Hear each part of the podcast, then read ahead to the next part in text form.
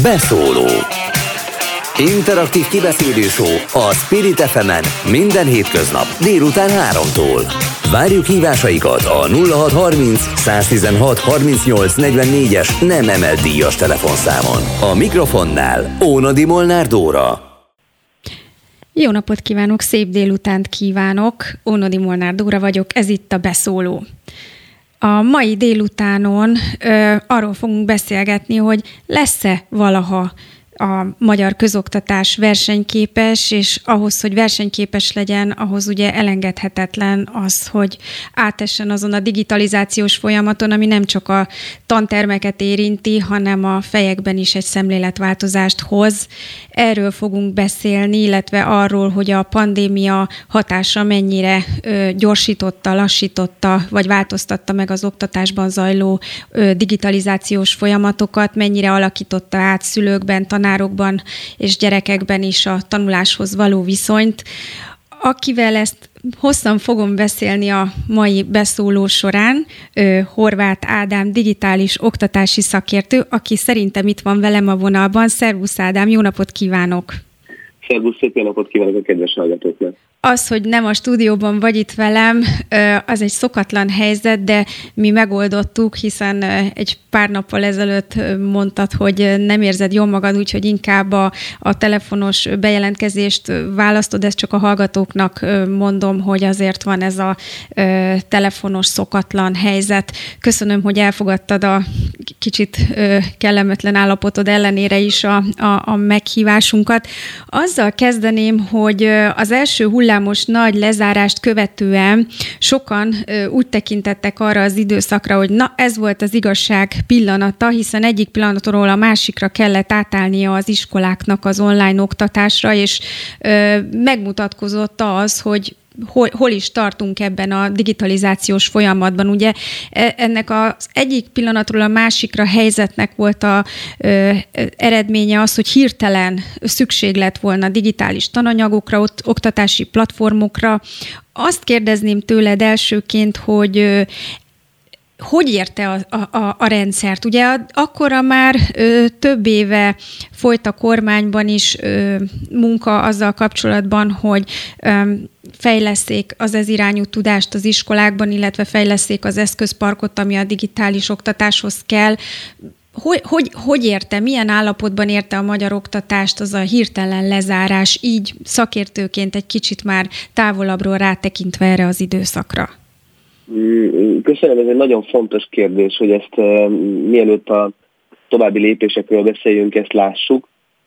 De érdemes mindenképpen egy, még egy lépéssel távolabbról kezdeni, és azt mondani, hogy, hogy tavaly tavasszal, amikor kitört a, a járvány, és országos leáll, iskola leállásokat rendeltek el több országban, 105 országban volt egyébként egész iskolarendszer, tehát az egész országban az összes iskolát bezárták. Ez több mint egy milliárd gyereket érintett a Földön, és ehhez képest, hogy, hogy ezt a hatalmas gyerekmennyiséget is meg kell figyelni, és tudni kell róluk, hogy akkor ők most hirtelen egyik napról a másikra nem mehettek be az iskolába, és hogy mi történt velük. Erről az OECD készített egy felmérést. Ezen belül Magyarország egyébként nagyon jól teljesített, de majd mindjárt rátérünk arra, hogy Magyarországon belül mi, mik is voltak az arányok. Az egy milliárd gyereknek a jelentős része egyik pillanatról a másikra megszakította a kapcsolatát az iskolával. Azok a gyerekek és azok az országok, ahol nincsen megfelelő e, internet, ahol, e, ahol országos szinten hiányoznak a megfelelő eszközök, ott gyakorlatilag a, a COVID kapcsán a lezárás az nem egy digitális oktatásra való átállást jelentett, hanem e, egy nagyon-nagyon jelentős visszalépést, amelyben rádióműsorokban vagy tévéműsorokban próbáltak feladatokat kiközvetíteni a, a diákoknak. Ehhez képest Magyarországon a gyerekeknek nagyjából a kétharmada, talán több mint a kétharmada az kapcsolatban, digitális kapcsolatban tudott maradni az iskolával, és ehhez képest ez egy nagyon jó arány. Úgyhogy ennek megfelelően érdemes megnézni azt, hogy Magyarországon belül milyen különböző módon tudtak reagálni az iskolák. Azt lehet tudni egyébként, hogy az Európai Unión belül ez az arány milyen volt? Tehát, hogy hány százaléka a gyerekeknek tudott kapcsolatban maradni az iskolával digitálisan? Tehát, hogy mi az unión belül hol helyezkedünk el, mert mondjuk azt el tudom képzelni, hogy egy fejlődő országhoz, egy szegény afrikai országhoz képest egész jól szerepeltünk, de vajon a, a, a versenytársainkkal összemérve, hogy állunk? Erre konkrét adatom még, még sajnos nincsen. Ezek szerintem az év végéig napvilágot fognak látni az erre vonatkozó részletes értékelések és felmérések. Ez ígyben nyilván Magyarországnak is adatot kell szolgáltatni az Európai Unió felé, és az alapján, az EU-statnak az adatai alapján ez majd kiértékelhető lesz. Én azt gondolom, hogy, hogy tekintettel arra, hogy a, a korábbi DESI felmérés, ugye az, a, az Európai Uniónak a, a digitális érettségét feltáró felmérés, az ezeknek a, ennek a digitális átállásnak a feltételeit vizsgálja, az egyébként egy jó képet adhat arról, hogy Magyarország hol helyezkedhet el. Általában internet hozzáférésben, a szélessávú hozzáférésben az európai átlag szintjén helyezkedünk el, egy picivel a, a, a középmezőny fölött. A, a digitális írástudás és az eszközellátottság terén viszont a, inkább a, a a harmadik harmadban, tehát a, a, a sor végén helyezkedik el Magyarország. Tehát több különböző faktort érdemes vizsgálni akkor, amikor megpróbáljuk ezt meghatározni. Sajnos még konkrét számokat, arányokat uh-huh. itt még nem, nem tudok mondani, de nagy valószínűség szerint a, a középmezőny mögött voltunk valahol átlagban. Ugyanakkor mindenképpen rá kell arra is térni, hogy, hogy, hogy ez mit is jelent egy ilyen átlag.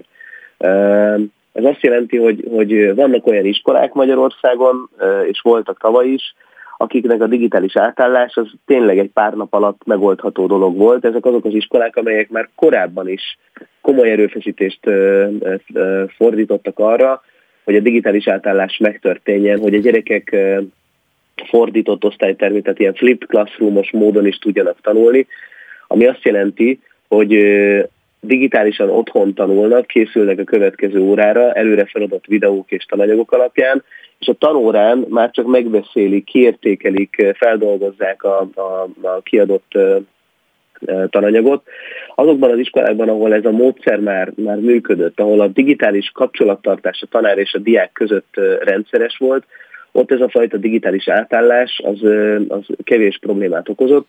Ha, um, bocs, hogy a szabadba vágok, a Radó Péter ö, oktatáskutató idézett egyszer egy hát számot, mondjuk úgy, hogy egy arányszámot, hogy ez nagyjából a, a, a tényleg a 10-15 százalék a maximum az iskoláknak, és kifejezetten az elit gimnáziumokra volt jellemző, hogy ez az átállás ilyen sikeres volt, és zöggenőmentes. Ezzel mennyire értesz egyet, vagy mennyire tartott helyesnek ezt a, ezt a becslést?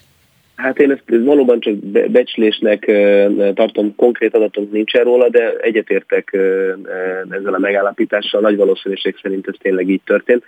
Az én személyes tapasztalatom is ezt mutatta, hogy valóban azok a középiskolák, gimnáziumok jártak ezen a területen élen, akik egyébként már a digitalizációban már korábban is, tehát évekkel korábban is már foglalkoztak.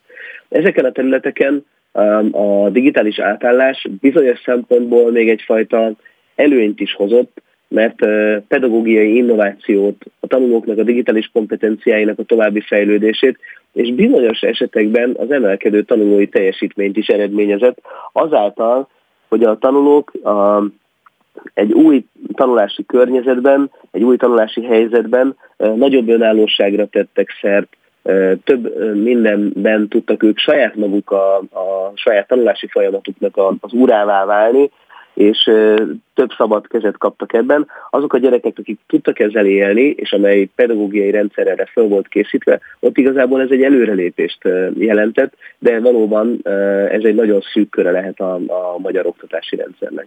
És akkor most visszakapcsolódnék, igen, az eredeti kérdésfelvetéshez, amit te már el is kezdtél megválaszolni, hogy hogy történt ez a Magyarországon, hogy kétharmada tudott bekapcsolódni ugye a, a digitális munkarendbe, hogy hogy nézett ez ki, és mi volt azzal az egyharmaddal?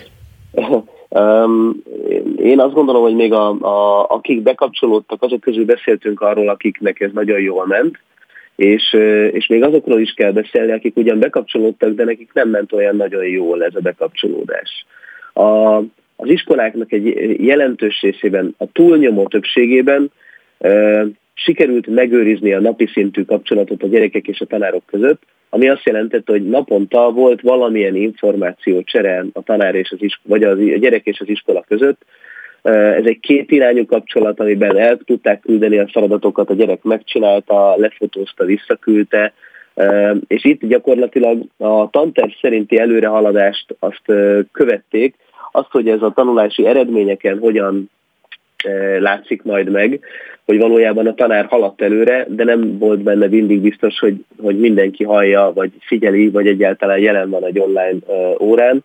Ez, ennek a következményeit ezt később fogjuk tudni, majd megmérni a különböző kompetencia és egyéb mérési folyamatokon keresztül.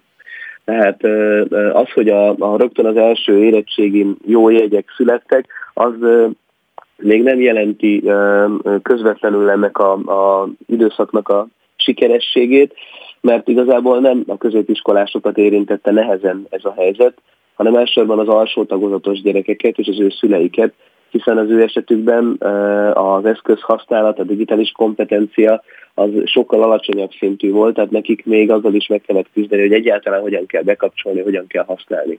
ez a, ez Annyit a, ez tudok a... mondani erre, hogy Maruzsa Zoltán, amikor tavaly értékelnie kellett, tehát ez ugye az első lezárást követő tanévzáró után azt mondta, hogy sikeres volt az idei tanév, hatalmasat csökkent a bukások száma. Ezt tudjuk erről a tanévről. Hát ezt én nem tudom értékelni, mert ezt nem vizsgáltam, és nem vizsgáltuk egyáltalán.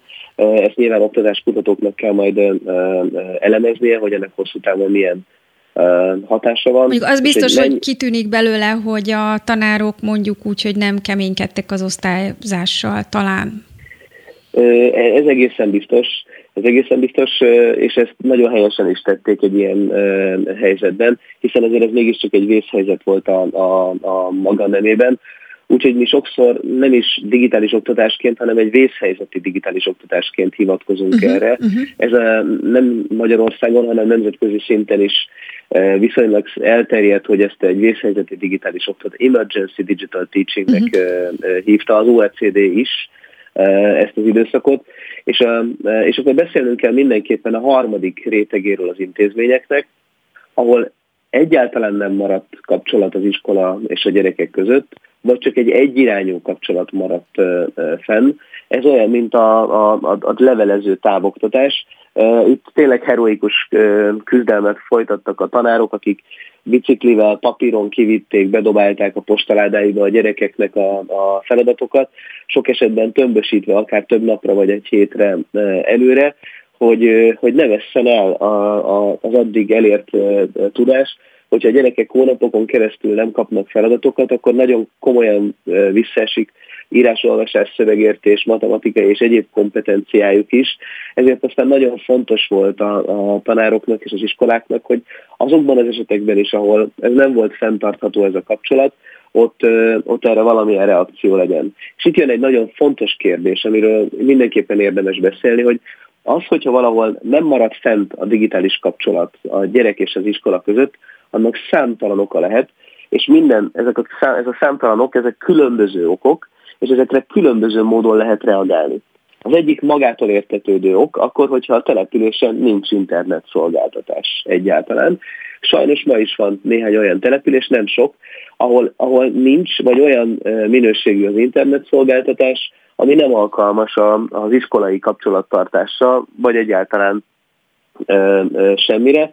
Ezeken a településeken sok esetben még a mobil internet sem megoldás, egyszerűen a terület elzártsága miatt. Ez az egyik dolog. Sok olyan tanulóról hallottunk, aki ebben az esetben úgy próbált erre reagálni, hogy buszra ült reggel, és elment egy másik településre, ahol volt nyílt wifi, mondjuk egy helyi gyors étterem láncé, vagy a, vagy a buszpályaudvari, és akkor ott a, küldte el a, a beadandó dolgozatait. Ez a felsőoktatásban rendszeres volt, és nyilván a középiskolában, az általános iskolában talán ez kevésbé volt jellemző. A másik ok, hogyha van is internet, de több a gyerek, mint a számítógép otthon. Ez egy probléma, hiszen mindenkinek kellene, hogy saját eszköze legyen. És itt, itt egy zárójelben szeretném megjegyezni, hogy az elmúlt éveknek a, a kormányzati fejlesztése, amire te is utaltál, azt elérték, hogy az iskolákban legyen normális ö, ö, internet, és hogy minden tanárnak legyen a saját laptopja. Uh-huh. Ezt túlnyomó többségben sikerült is elérni, de ez alapvetően az iskolákban teremtette meg a digitális eszközökkel támogatott oktatásnak a feltételeit, nem pedig az otthoni távoktatásnak a feltételeit teremtette meg. Azt Azzal mondták egyébként hogy... tanodában dolgozó pedagógusok, hogy sokszor találkoztak avval a jelenséggel, hogy ugyan megvoltak az eszközök az iskolában még a diákok számára is, azt viszont nem merték kiadni az eszközöket a, a, az iskolából, tehát hogy végülis be, bezárva maradtak az eszközök. Ez, ez nagyon szomorú.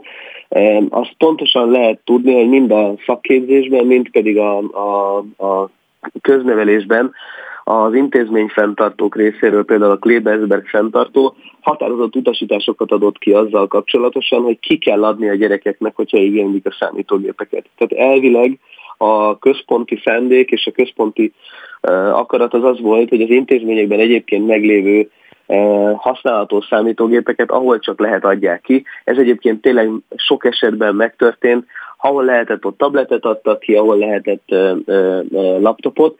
Valóban én is hallottam ilyen esetekről, hogy nem merték, vagy nem adták ki. Az, az, az, az nagyon szomorú, de erre majd kitérünk még szerintem, és te is fogsz erre kérdezni, hogy hogy, hogy a civilgyűjtésekkel vagy egyéb módon hogyan lehetett ezt a helyzetet kezelni de előtte még mindenképpen azt érdemes elmondani, hogy azzal, hogy a tanárok túlnyomó többségének volt laptopja, ezzel legalább az a feltétel megvolt, hogy hogy a tanár tudott digitális órát tartani. Pár évvel ezelőtt, 5-6 évvel ezelőtt, vagy talán egy kicsit régebben a tanárok mert osztottan használtak a tanáriban számítógépet. Tehát több tanára jutott egy-egy számítógép, és, és akkor nem is tudott volna megvalósulni a digitális oktatás. Tehát ennek egy komoly feltétele, az pont az elmúlt években teljesült, hogy, egy, hogy a tanároknak egy jelentős része az kapott saját használatú eszközt, és ezáltal lehetővé vált, hogy, hogy, hogy, hogy egyáltalán megtartsák az órát, hogy ő legalább ő be tudjon valamilyen formában jelentkezni. Egyébként, ez a, igen, igen, mondjad. Szóval ez, ez az eszközoldali feltétel, és hát itt jön a következő, hogy, hogy ha van is internet és van is hozzá eszköz, tudják-e használni a, a megfelelő eszközöket. A digitális kompetenciák terén nyilván a középiskolások és talán a felső tagozatosok előnyben voltak, az alsó tagozatosok viszont jelentős hátrányban, a legtöbbjük nem is találkozott még ilyen módon számítógéppel, hiszen nem volt informatika órájuk, írni, olvasni, és akkor tanulnak elsőben, másodikban. Tehát az ő esetükben ez egy nagyon komoly probléma, hogy ha, ha otthon maradnak, és írásos utasításokat kell követniük azzal kapcsolatosan, hogy hogyan lépjen be, mi a következő lépés, az a számukra egy nagyon-nagyon-nagyon jelentős kihívás, és a tanár számára is, hogy hogyan tudja úgy leegyszerűsíteni a feladatot, hogy, hogy a, a picik is tudják követni a, a tanóra menetét. Amikor ilyen jó gyakorlatokat kerestünk újságíróként ebben az időszakban, akkor emlékszem, hogy voltak azért olyan alternatív iskolák, főleg egyébként ezekre az intézménytípusokra volt jellemző, ahol leült a gyerek 6-7 éves, 8 éves gyerek a, a laptopja elé, és egész nap lekötötték a, a gyereket, hogy tehát annyira motiválták, adták nekik a feladatokat online, és a gyerekek végig intenzíven figyeltek, nem kellett a szülőknek egyébként figyelniük rájuk, tudták a saját otthoni munkájukat végezni, mert a, gyerekek bekapcsolódtak az iskolai munkába online is. Ez ez egyébként egy valóban örvendetes dolog, de ennek van egy hátulütője is, hogy azok a gyerekek, akik eddig mondjuk naponta x órát számítógépeztek, most hirtelen 8-10-12 órát ültek számítógép előtt, mert egyszerűen így lehetett végigvinni az órákat. Én is erről tudok beszámolni, hogy a, az én gyermekeim is írdatlan mennyiséget ültek számítógép előtt ez alatt az időszakban, és ez ugyan a, a tanulási eredményeiken abból a szempontból meglátszik, hogy, hogy tudtak haladni, tényleg jó eredményeik lettek, a tanárok nagyon sok energiát töltek abba, hogy, hogy értelmesen be legyen osztva a, a, a feladatuk, de az, hogy, hogy ebben nagyon kevés alkalom tudott úgy belemenni, hogy, hogy, hogy a gyerekek mozogjanak, felálljanak, valamit csináljanak, az, az, egy, az egy komoly probléma. És hát nyilván ehhez hozzá kapcsolódik az is, hogy, hogy nem találkozhattak a, a csoporttársaikkal, nem volt szünet, nem volt egyfajta feloldódási lehetőség, hanem egyik óráról a másikra ö, ö, mentek át a gyerekek, úgyhogy közben egy helyben ültek, és ez, ez, ez, ez szerintem egy nagyon-nagyon megterhelő dolog volt. Ezt itt néhány iskola persze kellő mérsékletet tanúsított, de a gyerekek ezt úgy próbálták feldolgozni és kivédeni, hogy idő után rájöttek arra, hogy hogy akkor ő inkább kikapcsolja a kameráját, vagy kikapcsolja a mikrofonját, és csak teljesen passzívan vesz részt az órán, különben, különben nem lehet kibírni 10 óra intenzív figyelmet, aktív részvétellel, főleg, hogyha, főleg, hogyha valaki mondjuk 12-13 éves. Mennyire Úgyhogy, érte, mert eddig most beszéltünk az eszközökről mm, sokat, de arról nem, hogy a pedagógusokat ebben az időszakban, amikor begyűrűzött a járvány, és le kellett zárni az országot, és a karantént el kellett rendelni, akkor mennyire voltak digitálisan felkészülve? Volt-e előtte képzési program, hiszen a digitális oktatási stratégiát azt már korábban meghirdették, tehát hogy gondolom ennek keretében el kellett indulni a továbbképzési programoknak, legfeljebb nem tudott befejeződni addigra, mire a digitális írástudás, vagy a digitális képességfejlesztés, vagy a digitális eszközhasználatra való fölkészítés, és a digitális a munkarendre való átálláshoz szükséges képességeknek az elsajátítása az sok dologban különbözik egymástól. A tanároknak valóban rengeteg képzése volt arról, hogy hogyan kell a tanteremben az interaktív panelt használni a csoportmunka támogatására. Vagy hogyan lehet a LEGO robotokkal matematikai feladatokat megvalósítani a tanteremben. Tehát hihetetlen mennyiségű képzésen vettek részt a mhm. pedagógusok az elmúlt években, korábban. Ezt amelyeket, szerinted de, de, termékeny de hultak ezek a képzések? Tehát úgy érez, vagy mennyire köszön vissza a felmérésekből, ha egyáltalán születtek ilyenek, hogy ez hasznosulni tudott ez alatt az idő alatt? Én azt gondolom, hogy azt, amit a tanároknak most föl kellett használniuk egy ilyen típusú online távoktatás kapcsán, ezt most maguknak kellett egymástól megtanulniuk, nagy, nagy részben, és azok a tanárok, akik már legalább biztosan tudták kezelni a számítógépüket a korábbi képzések terén, azok legalább ennyi előnyben voltak, hogy, hogy hogy megtalálták a YouTube-on azokat a videókat, amik ezt megmutatták, megtalálták egymást, hogy, hogy hogyan kell beállítani a különböző online platformokat, vagy a kamerát, hogyan helyezzék el a lámpát. Ezek mind olyan új elemek voltak, hogyan kell a mikrofont beállítani, hova teszem a fájlt akkor, hogyha azt szeretném, hogyha mindenki lássa, de ne tudjanak beleírni, vagy azt szeretném, hogyha csak az egyik gyerek tudjon beleírni. Ezek mind olyan új készségek, vagy apró programok, vagy szoftverek, alkalmazások voltak, amiket el kellett sajátítani, amire korábban nem volt szükség, egyszerűen amiatt, mert a tanteremben való tanításhoz ezekre nem volt, ezek, ezek nem voltak szükségesek. Most egy picit elmegyünk egy rövid kis promócióra, aztán jövünk vissza Horváth Ádámmal, digitális oktatási szakértővel, akivel a pandémia hatását elemezgetjük az oktatás digitalizációs folyamataira. Beszóló Interaktív kibeszélő a Spirit fm minden hétköznap délután 3-tól.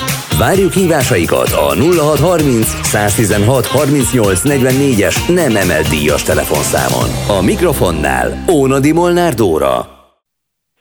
És itt pedig Ónodi Molnár Dóra folytatjuk a beszóló ö, délutáni műsorát. Ö, vendégem pedig Horváth Ádám, ö, digitális oktatási szakértő, akivel azt elemezgetjük, hogy hogyan hatott a pandémia az oktatás digitalizációs folyamataira. Itt vagy velünk, Ádám, továbbra is. Igen, hogy Köszönöm szépen. És ott tartottunk, hogy bizony-bizony sok képzésen átestek a, a pedagógusok is pont egyébként most itt a promóciós anyagban lehetett hallani, hogy van egy Corporation Z nevű műsorunk, amelyik a Z generációról szól. Tulajdonképpen a pedagógusok ezzel a generációval találkoznak a, a mindennapokban, és őket kell megszólítani, és a tanulási motivációikat ö, felkorbácsolni, és nyitottá tenni őket a világra, és a kíváncsiságukat nem elfolytani. Ö, arról beszéltünk, hogy mennyire sikerült ez, ö, hát felemás a helyzet, hogyha jól foglalom össze. Igen, igen, igen. Erre vonatkozóan András Schleicher, az OECD Oktatásügyi és Készségfejlesztési Igazgatóságának a vezetője azt mondta, hogy a kiváltságos helyzetben lévő családok tanulói az iskolák bezárása után is jól boldogulnak, megtalálják az alternatív lehetőségeket a tanulásra, számíthatnak szüleik támogatására, és pontosan tudják, hogy az ő érdekük is az, hogy tanuljanak. A hátrányos helyzetűek előtt viszont bezárulnak az ajtók az iskolák bezárásával. Ez azt jelenti, hogy a digitális kompetencia, a digitális eszközökhöz való hozzáférés ez a COVID előtt az mondjuk egy előnyt jelentett. De a COVID-ot követően most már látszik, hogy ez nem egyszerűen előny, hanem ez maga a kapu. Ez, ez a feltétele annak, hogy valaki az oktatásban részt tudjon venni, és én azt gondolom, hogy ez a, a, azzal együtt is megmarad, hogy most jelenleg visszatértünk a jelenléti oktatáshoz. Nagyon érdekes konferencián vettem részt, két vagy három héttel ezelőtt a Republikon Intézet szervezte, és ezt a témát járták ők is körbe, ahol a hátrányos helyzetű roma fiataloknak érettségit kínáló, érettségit adó dr. Ámbétkár iskolának az igazgatója beszélt arról, hogy az ő tapasztalataik alapján azt a pozitív gondolatot is le lehetett vonni ez alatt, ez alatt az időszak alatt, hogy ez elindított egy demokratizálódási folyamatot a tanárok és a diákok között. Ott ugye megvoltak az eszközök, és több olyan ta, szülő jobban bemert kapcsolódni az iskolai munkába, akik egyébként offline időkben kicsit félnek, vagy kevésbé bizalmasak az intézményekkel kapcsolatban, és az online tér az megnyitotta őket. És még egy érdekes tapasztalatot osztott meg, hogy ők megszólítanak olyan diákokat is, ahol már van már kisgyerek, tehát édesanyákat, édesapakákat, akik gyerekvállalás után fognak bele az érettségi megszerzésébe, tehát egy nehezebb élethelyzetben vannak, és ők kifejezetten könnyebben tudtak bekapcsolódni ebbe az időszakban az online oktatásba, ami mivel hogy ugye, hogy otthonról kellett bekapcsolódniuk, nem kellett annyira átszervezniük a, az életüket ahhoz, hogy bejussanak az iskolába. Tehát, hogy ez is egy olyan dolog, hogyha már elindul egy fejlesztés, ugye az ő munkájuk során el, elindult egy ö, digitális eszközfejlesztés, és egy másfajta pedagógiai szemlélettel próbálták a, ö, szervezni az iskolai életüket, az, az, az mennyire pozitív fordulatot is tud venni egy ilyen ö, válsághelyzetben, mint amilyen a karantén volt. Hogy erre vonatkozóan ti, vagy így szakértőként találkoztok olyan tudással, tudásmegosztással, amely egyébként szegény országokból származik, és ilyen pozitív példákat mutatnak, demokratizálódási folyamatokat, tanulási folyamatokat, amik így lendületet kapnak egy ilyen helyzetben, vagy ez nagyon szorványos és nem jellemző? Hát több olyan nemzetközi szervezet is van, amelyik a tudásmegosztást próbálja támogatni.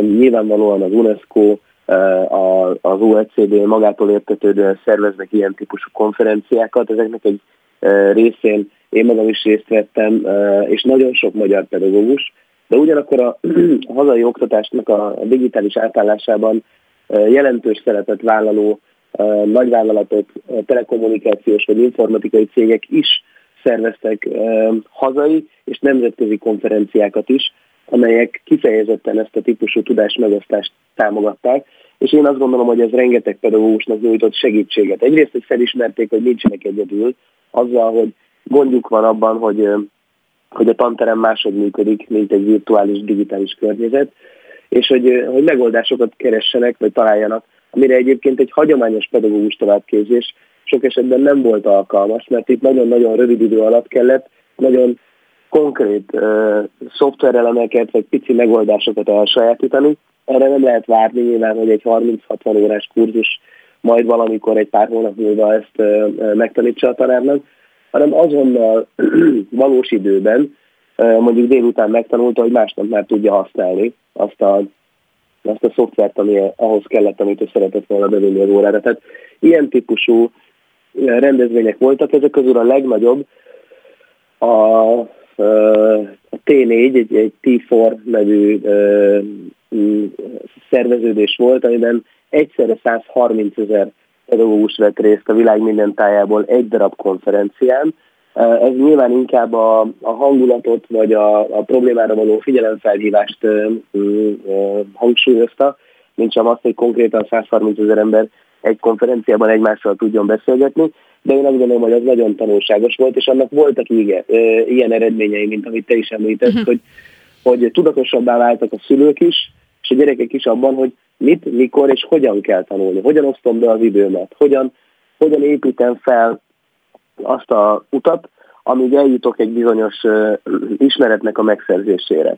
És ebben ez, ez egy nagyon érdekes uh, dolog, hogy a gyerekek maguktól is elkezdtek válogatni az órák között. Vannak olyan órák, amelyekre bejelentkezett kamerával, mikrofonnal, elrendezte a hátteret, fölkészült rá és aktívan részt vett, és vannak olyan órák, amelyeken viszont nem, hanem, hanem csak legfeljebb passzívan a háttérben figyelte, hogy mi történik az órán, vagy be sem jelentkezett.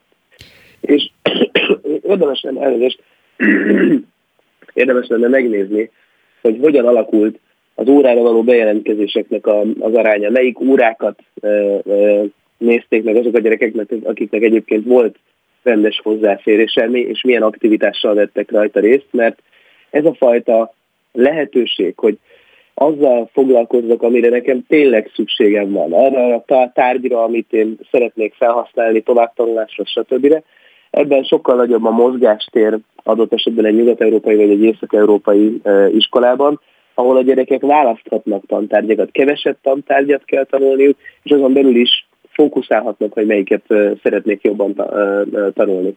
Erre Magyarországon is természetesen van példa, hiszen lehet választani középszintű és emelt szintű érettségit, emelt szintű óraszámban lehet bizonyos tárgyakat tanulni, de ezt a mozgásteret, ezt lehet, hogy érdemes lenne bővíteni. Legalábbis a, a COVID tapasztalata az pont ezt mutatja, hogy a gyerekek igenis el tudják dönteni, hogy mivel szeretnének inkább foglalkozni, mi az, amire többet kell tanulnia, mert, mert az nehezebben megy neki. Úgyhogy ez szerintem egy, egy fontos visszajelzés volt. Az, hogy a gyerekek egyébként hogyan szeretnek tanulni, mivel szeretnek foglalkozni, mit, mikor és hogyan szeretnének elsajátítani, mire kíváncsiak, Erről is fogom most többek között kérdezni Major Gábort, az Edu and Fun digitális élményközpont, valamint a Makers Redbox oktatástechnológiai fejlesztőjét, aki remélem itt van velünk a vonalban. Halló! Igen, igen, szép napot! Szép napot, köszönjük, hogy elfogadtad a meghívást. Ti egy nagyon speciális területen fejlesztettek oktatási programokat. A ti filozófiátok szerint a digitális közösségi alkotóműhelyek jelentik az oktatás jövőjét. Mit jelent ez pontosan? Hát ez egy kicsit túlzás, finomítanám azért ezt a megközelítést. Tehát én azt gondolom, hogy az oktatás jövőjét azt jelenti, hogyha a gyerekeket nem oktatjuk, hanem tanulnak és ezt önmaguktól teszik, van belső motivációjuk, ehhez nem árt, hogyha ez egy élmény számukra, és olyan környezetekbe visszük ezt az oktatást, ami kevésbé merev, mint a klasszikus padsoros iskolai elrendezés. Nyilván nem mi találtuk ezt ki, ez évtizedek óta oldódik az a merev struktúra, ami még valami mondjuk azt, hogy az ipari forradalom hozadéka gyakorlatilag, amikor milliókat tereltek be az iskolapadokba, hogy írni, olvasni, számolni tudjanak, és jó munkások legyenek majd a, a, a gyárakban. Nyilván a világ óriásit változott, és az elmúlt tíz évben meg még többet változott, mint az előtte lévő százban, és azt gondoljuk, hogy, hogy a következő tíz évben meg még többet fog változni. Mondhatjuk Tehát azt, hogy tulajdonképpen most megyünk át a 19. századból a 21-be?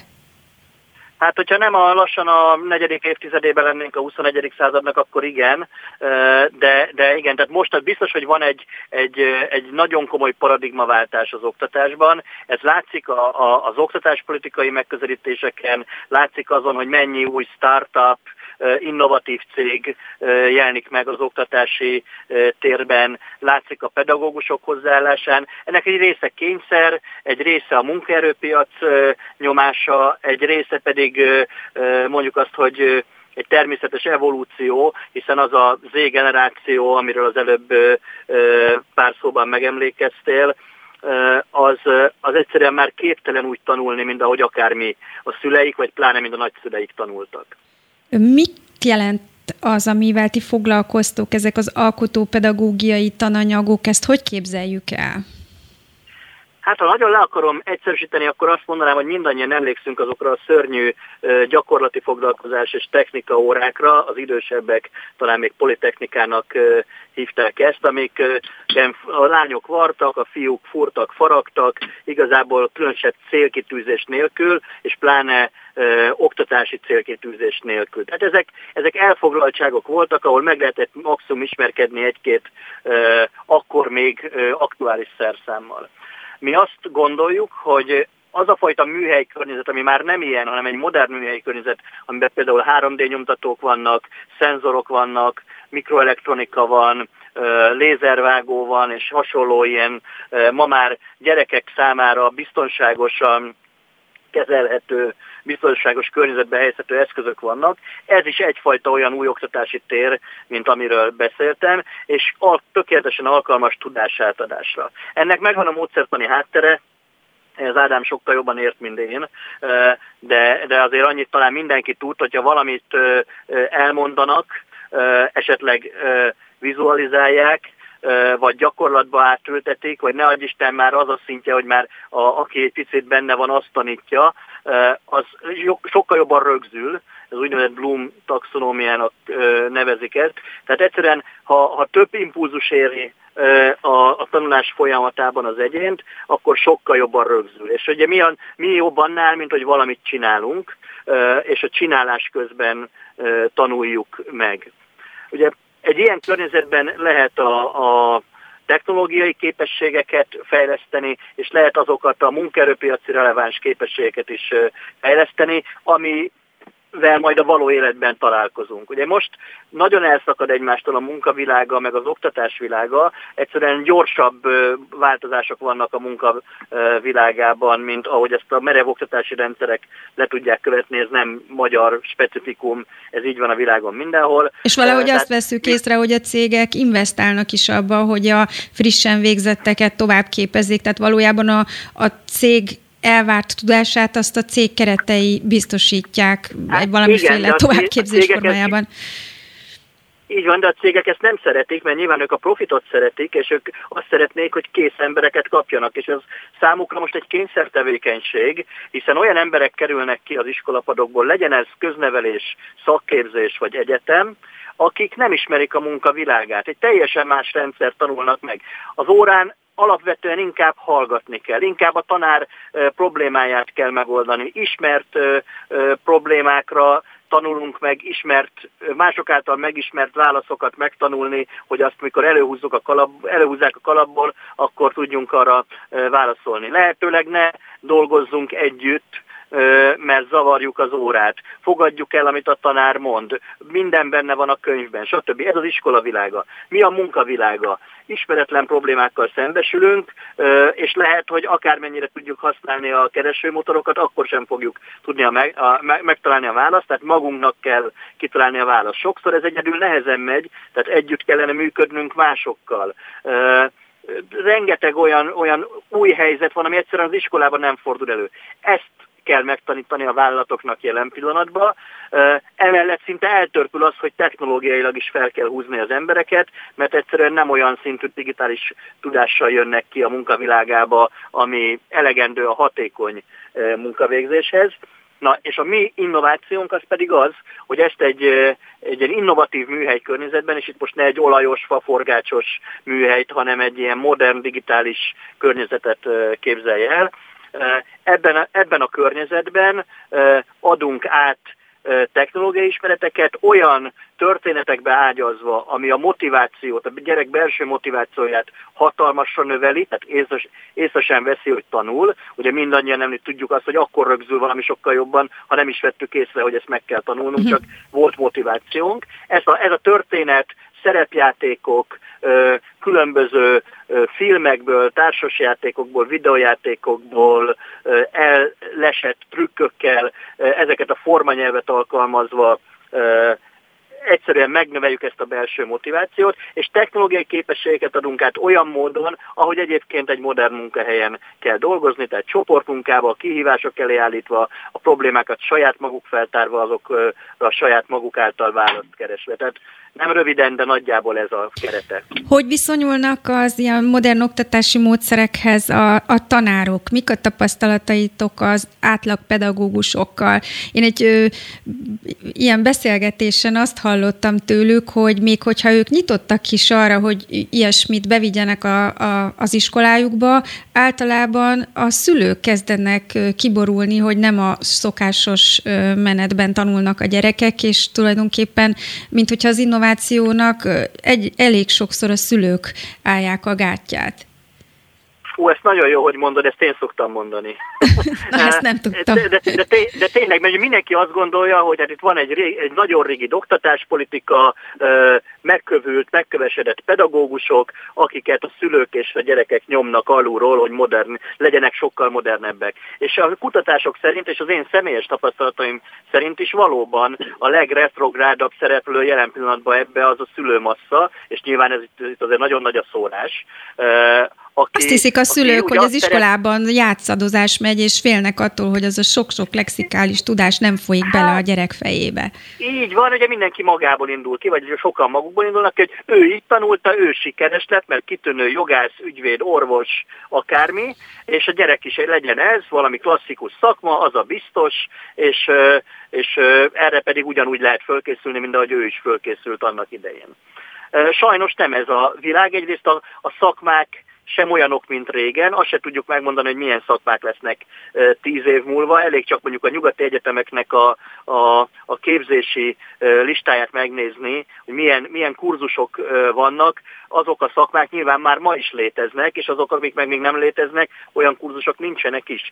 Ez a magyar egyetemeken még csak nagyon-nagyon halványan köszön át, de, de tényleg rengeteg interdisziplináris új megközelítés van, amik aztán szakmába torkolnak, legyen az értelmiségi vagy, vagy manuális szakma, de, de erre tényleg nem lehet felkészíteni erre a gyors változásra senkit a klasszikus módszerekkel, tehát nyitottságot kell adni, kompetenciákat kell fejleszteni, együttműködésre kell bírni, és lehetőleg minél szélesebb világképet kell biztosítanunk ehhez. És igen, a szülők, mivel nem itt tanultak, valóban ők ennek gátjai. A pedagógusok a mi tapasztalataink alapján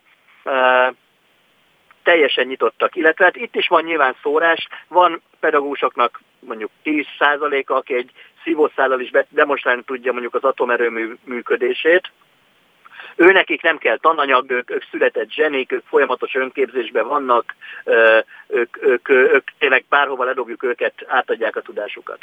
Nyilvánvalóan van egy, egy leszakadó réteg, aki akár korából, akár motivációjából ö, fakadóan ö, hát sajnálatos, hogy egyáltalán még a pedagógus pályán van, de a massza, a középső 80 százalék az örül, hogyha lépést tud tartani a technológiai fejlődéssel, illetve a, a, pedagógiai fejlődéssel, hajlandó időt áldozni a képzésére munkaidőben, sőt munkaidő után is, és örül, hogyha erre ez hatékony eszközöket kap.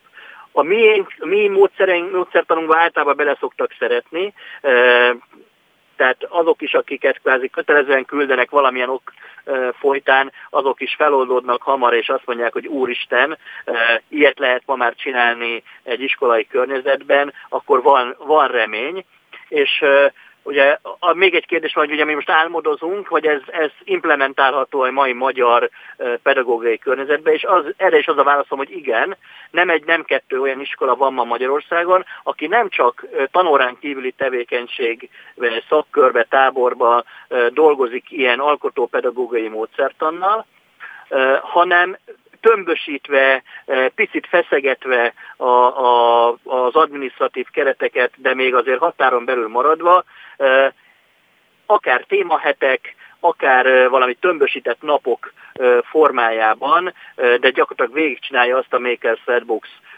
kurzust, ami, ami gyakorlatilag erről szól, ezt a tudáshalmazt próbálja át. Ezt egyébként az iskolák szokták kezdeményezni? Tehát amikor hozzátok fordulnak, hogy hol, hol honnan indul a, a ki, ki keresi meg ki, a, kit, hogyan találtok egymásra? Én azt gondolom, hogy a Magyarországon azért van egy, egy jelentős olyan pedagógus és intézmény vezető réteg, aki keresi az újat, akár szülői nyomásra, akár belső indítatásból, és viszonylag kevés hazai cég van, aki akivel mondjuk szoros kapcsolatot tudnak ápolni, modellkísérletet tudnak folytatni, pilotolni tudnak, ezt rugalmas üzleti és együttműködési keretek között tudják megtenni. Tehát most én azt mondom, hogy van Magyarországon mondjuk egy tucat másfél tucat olyan innovatív pedagógiával foglalkozó cég, akihez fordulni lehet, hogyha most végignézem, hogy a kiállításokon, rendezvényeken kik szoktak megjelenni, tehát nem olyan nagy ez a kör, megvannak a fórumok, konferenciák, ahol be lehet mutatkozni, és hát egymásra, egymásra találunk. Aztán persze hogyha már van egy kritikus tömeg, akkor már a következő kört az irítség hajtja. Erre is látunk például, hogy a szomszédvárnak van ilyen innovatív műhelye, akkor legyen nekem is. A Nem irítség, van, az versenyszellem. Teljesen mindegy, egészséges, egészséges, egészséges így van. versenyszellem. Tehát így nyilván a, a, ugye vannak Magyarországon állami, egyházi, alapítványi fenntartású intézmények, ezek figyelik egymást, versenytársai egymásnak, és, és odafigyelnek, hogyha valamik csinált valamit, nekünk most például a református tanyagfejlesztő csoporttal volt egy hat iskolát érintő pilotunk egy bő fél év, vagy még több, hosszabb idő alatt, ennek nagyon szép eredményei lesznek, és nyilván ezt figyeli, figyelik mások is, és ők is ki szeretnék próbálni, hogy ez valóban annyira jó-e, mint amennyire a gyerekek beszélnek róla. Ez egyébként, ha össze kellene foglalnod, akkor ez mi, mihez hasonlít leginkább ez a uh, Maker's Red Box? Um, Leginkább ahhoz, mint hogyha a National Geographicot nézné valaki, vagy más ilyen ismeretterjesztő infotainment csatornát, de még de közben csinálná is, amit lát. Uh-huh. Tehát azért ebben van ö, technika, fizika, kémia, tehát hogy ez egy ilyen nagyon sűrű ö, történet. Abszolút, ugye több, több téma van, ugye itt a marsutazástól, a szuperhősök alkotásán keresztül, a jövővárosának a megalkotásaik, többféle tematika van, amikor és szerveződik ez a, a módszertani megközelítés, és mindegy, a közös jellemzője az, hogy mindegyik interdisziplináris, tehát nem egy tantárgy köré szerveződik, hanem tantárgy csoportok, vagy akár még annál is tágabb ö, módon. Ö, mindegyik tárgyalkotás ról szól, mindegyiknek nagyon erős eleme a sztori, a történetmesélés, a szerepjáték, a gyerekek ugye amellett, hogy együttműködnek, de gyakorlatilag saját önálló felelősségük van, a, a csoportmunka, az, úgynevezett design thinking, tehát a probléma felfedezése és arra saját válaszok keresése. Tehát ezek a mondjuk azt, hogy kicsit pongyolán megfogalmazva, de a módszertani alapjai, amit aztán a kerettörténet öltöztet fel annyira, hogy meglegyen a belső motiváció, és hát mindenki szeret tárgyat alkotni, aki nem olyan ügyesben, van, aki a tervezésben ügyes, van, aki a kivitelezésben, van, aki a többiek irányításában, van, aki meg csak nem tudom, hogy kiszínezi azt, amit mások megcsináltak, mert ehhez van bátorsága. De ahogy megy erről az idő, a kurzuson egyre jobban feloldódnak, és, és kipróbálják, van, aki az elektronikát programozza föl, van, aki tárgyat tervez, szóval ez egy ilyen nagyon-nagyon kis, tényleg ilyen vállalati szimuláció. Nagyon szépen köszönöm Major Gábornak az Edu and Fun Digitális Élményközpont, valamint a Makers Redbox oktatás technológiai fejlesztőjének, hogy velünk volt és mindezt megosztotta velünk. Köszönöm szépen. Köszönöm szépen, további jó műsor. Köszönjük. Kívánok. És Ádámtól kérdezném, hogy eh, ahogy így hallgattuk Gábort, hogy hogy áll össze ez a eh, Makers tananyag, hogy van, aki a tervezésben jó, van, aki a kivitelezésben, van, aki az irányításban, és hogy ez egy témaköré összehozza a gyerekeket. Ez a szemléletmód nyilván egyszerűen megkerülhetetlen, ha digitális ö, oktatásról beszélünk. Ugye ez egy nagyon ö, fontos szemléletváltozás a frontális oktatáshoz képest. Ö, mennyire érzékeled azt, hogy ö, ez irányba kezd megtörni a jég, és az a sok-sok évtizedes ö, berögzöttség, amit cipel a magyar iskola, az ennek hatására egy kicsit ö, oldódni fog, és úgy is fölteszem a kérdést, hogy nem okoz-e sikerélményt a pedagógusoknak az, hogyha ilyen programokban részt vesznek, hogy tulajdonképpen az, amitől a frontális oktatási keretek között folyton küzdködnek, hogy rendet kell tartani, fegyelmet kell tartani. A differenciált oktatásra nincsenek keretek, és nincs mód, az ezekben a programokban megoldást jelentenek. Hát mindenképpen uh, ilyen típusú programokban van a, a megoldás kulcsa. Csak egy nagyon egyszerű példát hadd mondjak, hogyha az ember elmegy és a gyerekének cipőt szeretne vásárolni, akkor, akkor rengeteget kell próbálni, hogy melyik az, amelyik ráillik, melyik az, amelyik tetszik neki, milyen színű, stb.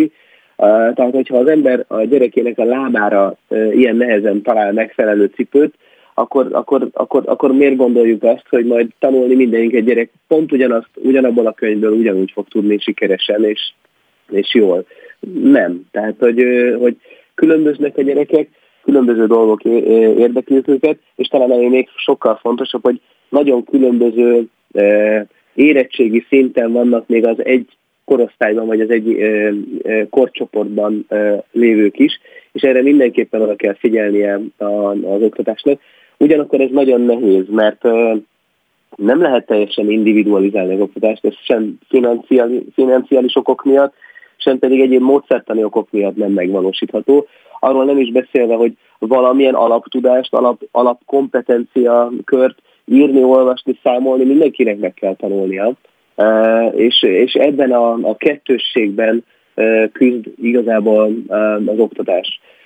Egy fontos dolog, amit az előbb elhangzott a, a Makers Boxok kapcsán a, a, Gábortól, hogy ez valóban egy élményt ad a, a gyerekeknek és a tanároknak is. Sok olyan tanárral beszéltem, aki azért gondolta meg magát, és nem lett pálya elhagyó, mert ilyen típusú programmal tudott találkozni az iskolában. És azt mondta, hogy ha ilyen programok indulnak az iskolában, akkor ő ott marad, akkor őt az érdekli, akkor, akkor ez a számára kihívás, és, és, és egy, egy szellemi élmény, eh, hogy ha ilyen foglalkozásokat tud megvalósítani az iskolában.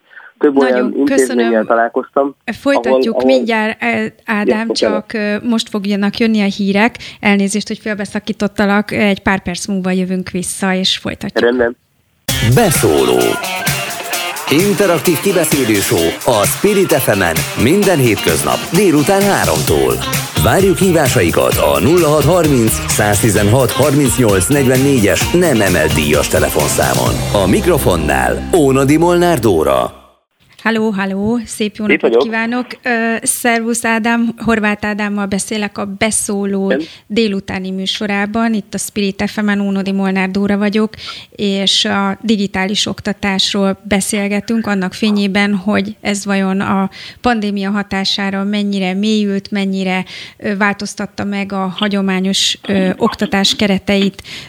Ott hagytuk abba, hogy hát nagyon sok ö, inspiratív program van ö, a piacon, sokféle lehetőséghez ö, nyúlhatnak a, a, a pedagógusok, hogy vajon mennyire élnek ezzel, ö, ugye nagyon túlterheltek és nagyon fáradtak gyakran a rengeteg adminisztrációtól, meg hát ö, nem a legjobban megbecsült szakma az övéké most itt Magyarországon. Mennyire érzékeled azt, hogy egyébként a pedagógusok ö, egyre ö, gyakrabban fordulnak ilyen ö, programok felé, amelyek segítséget adnak nekik akár a digitális eszközök használatához, akár ahhoz, hogy új módszertant segíts, sajátítsanak el, ahhoz, hogy egyébként meglévő nehéz oktatási szituációkat is akár tudjanak kezelni.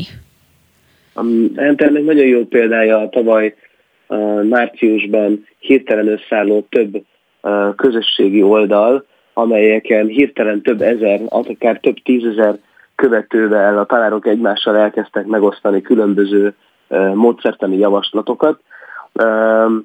És azt gondolom, hogy igen, a tanárok nagyon nyitottak az ilyen típusú megoldásokra, és keresik őket, hogy hogyan tudnák a saját pedagógiai készségeiket fejleszteni, és hogyan tudnának megfelelni egy teljesen megváltozó környezetben.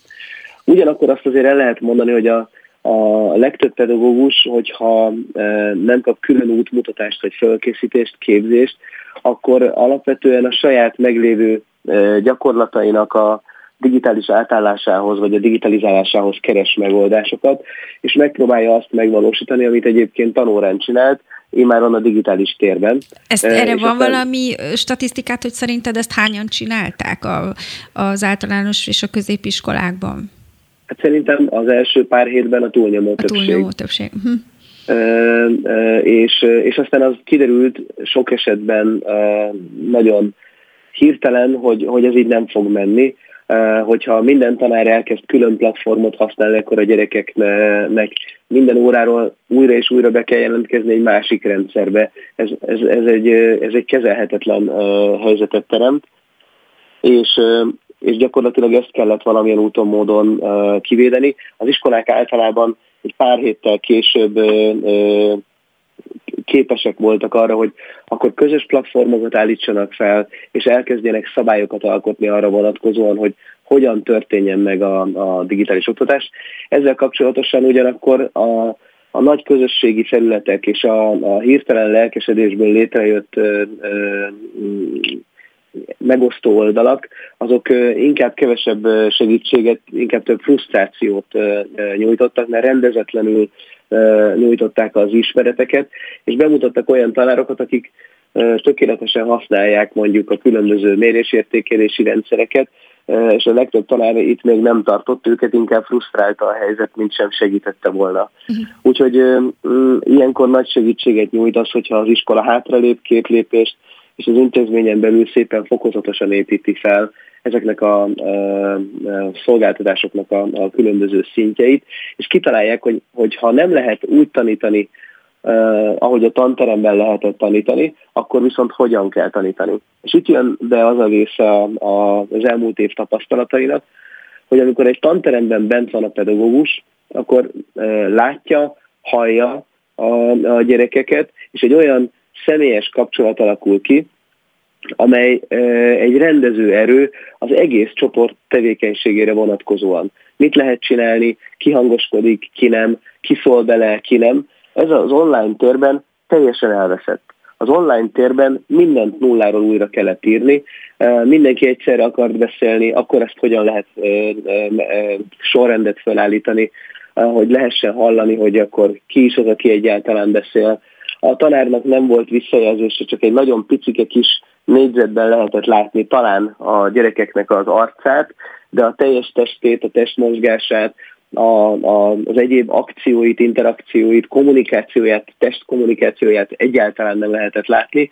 Úgyhogy gyakorlatilag a, a pedagógus elvesztette a visszajelzéseinek a 80%-át arról, hogy egyébként az óra hol tart, a gyerekek hogy figyelnek, eh, hogyan lehet haladni. Ilyen kör, környezetben és ilyen körülmények között.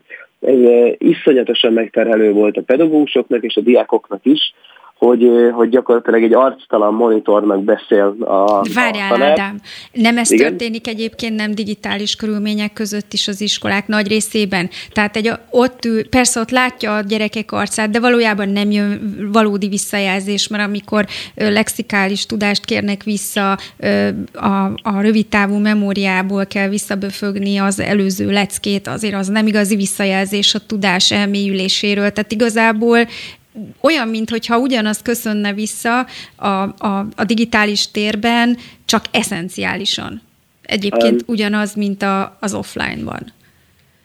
Az, hogy valaki hogyan tud tanítani, az nem attól függ, hogy egy fizikailag zárt térben teszi, vagy egy online térben teszi, hanem attól függ, hogy van-e a tanításnak egy célja. Erről a Gábor beszélt az előbb, hogy, hogy tanítani akarunk, vagy azt akarjuk, hogy a gyerekek tanuljanak hogyha mérjük a tanulóknak az előrehaladását, azt, hogy ők mennyire érdeklődnek, mennyire vesznek részt az órában, az egy egészen más helyzetet jelent, mint hogyha csak azt nézzük meg, hogy jelen voltak-e. És, és ez, ebben kell, én azt gondolom, hogy fejlődni, ebben lehet rengeteg eszközt találni, akár a digitális környezetben is, és ebből lehet egy csomó elemet átemelni majd a pandémiát követő időszakra. Ebben én azt gondolom, hogy nem csak azok az iskolák, amelyek elitiskolák voltak, és gimnáziumok, és, és nagyon jól teljesítettek, hanem kisebb intézmények is találtak olyan lehetőségeket, például, hogyha a tanár, tanár az órán az átadandó ismereteknek a, a körét, azt előre kiválogatja, és egy 5 perces videóban elmondja.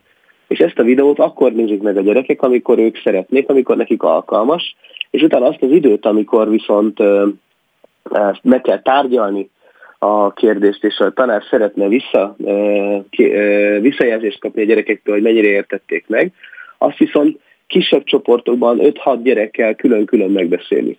Tehát a 45 perces órát azt úgy osztja fel egy tanár, hogy mondjuk háromszor, négyszer 5-10 perces rövid megbeszélésekben a, egy kis csoporttal, ami egy kezelhető méret, ezeknek a csoportoknak adott, adott esetben akár különböző feladatokat is adhat.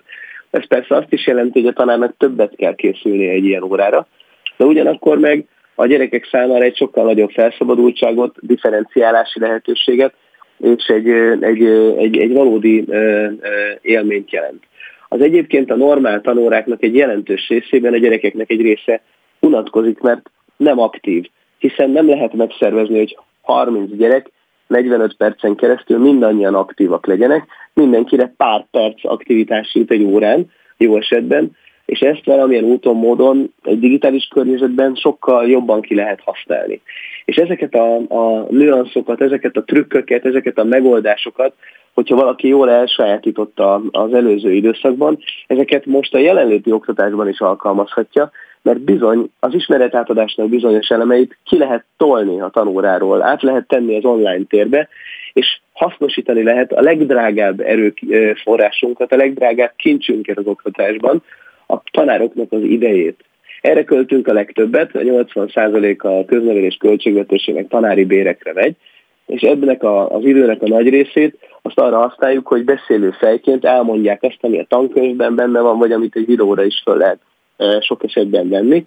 És persze nyilván nem minden tanára igaz ez ebben a formában, de adott esetben sok esetben jelenthet ez egy jelentős előrelépést, vagy segítséget a tanároknak, hogy több időt, több aktív időt töltsenek a gyerekekkel. Ez nem meg fogja sokszorozni ezt az időt, csak adott esetben több percet nyerünk vele, de hogyha egy gyerek eddig két perc helyett mostantól 8-10 percig aktív egy órán, az azt jelenti, mint hogyha meg négyszereznénk a, a valódi tanulással töltött idejét. És ez, ezek igenis számítanak, ezek igenis mérhető hatást fognak majd a, a későbbiekben elérni. Azt hiszem, hogy a valódi tudásnak az egyik ö, ö, alapköve az, az, hogy a szövegértés a gyerekeknek mélyüljön, és hogy ez a készségük teljesen kifejlődjön. Szerintem nincs olyan szülő, aki ne szorongana attól, hogy ebben a nagyon ingergazdag digitális világban a gyerekek leszoknak az olvasásról, nem tanulják meg rendesen a, a, a szövegértést, és ezáltal nem tanulnak meg absztrahálni. És most egy olyan vendéget köszönhetek a, a, a vonal másik végén, aki ilyen jellegű élmény alapú szövegértés fejlesztéssel, interaktív könyvekkel foglalkozik. Horváth Dorkát köszöntöm itt a vonalban, ha itt van velünk. Igen, sziasztok, üdvözlöm a hallgatókat. Szia, szia, Durka. Szia, Ádám akit a, a Bukar Kids ügy, alapítója és ügyvezetője, és ezen a területen ténykedik már jó régóta.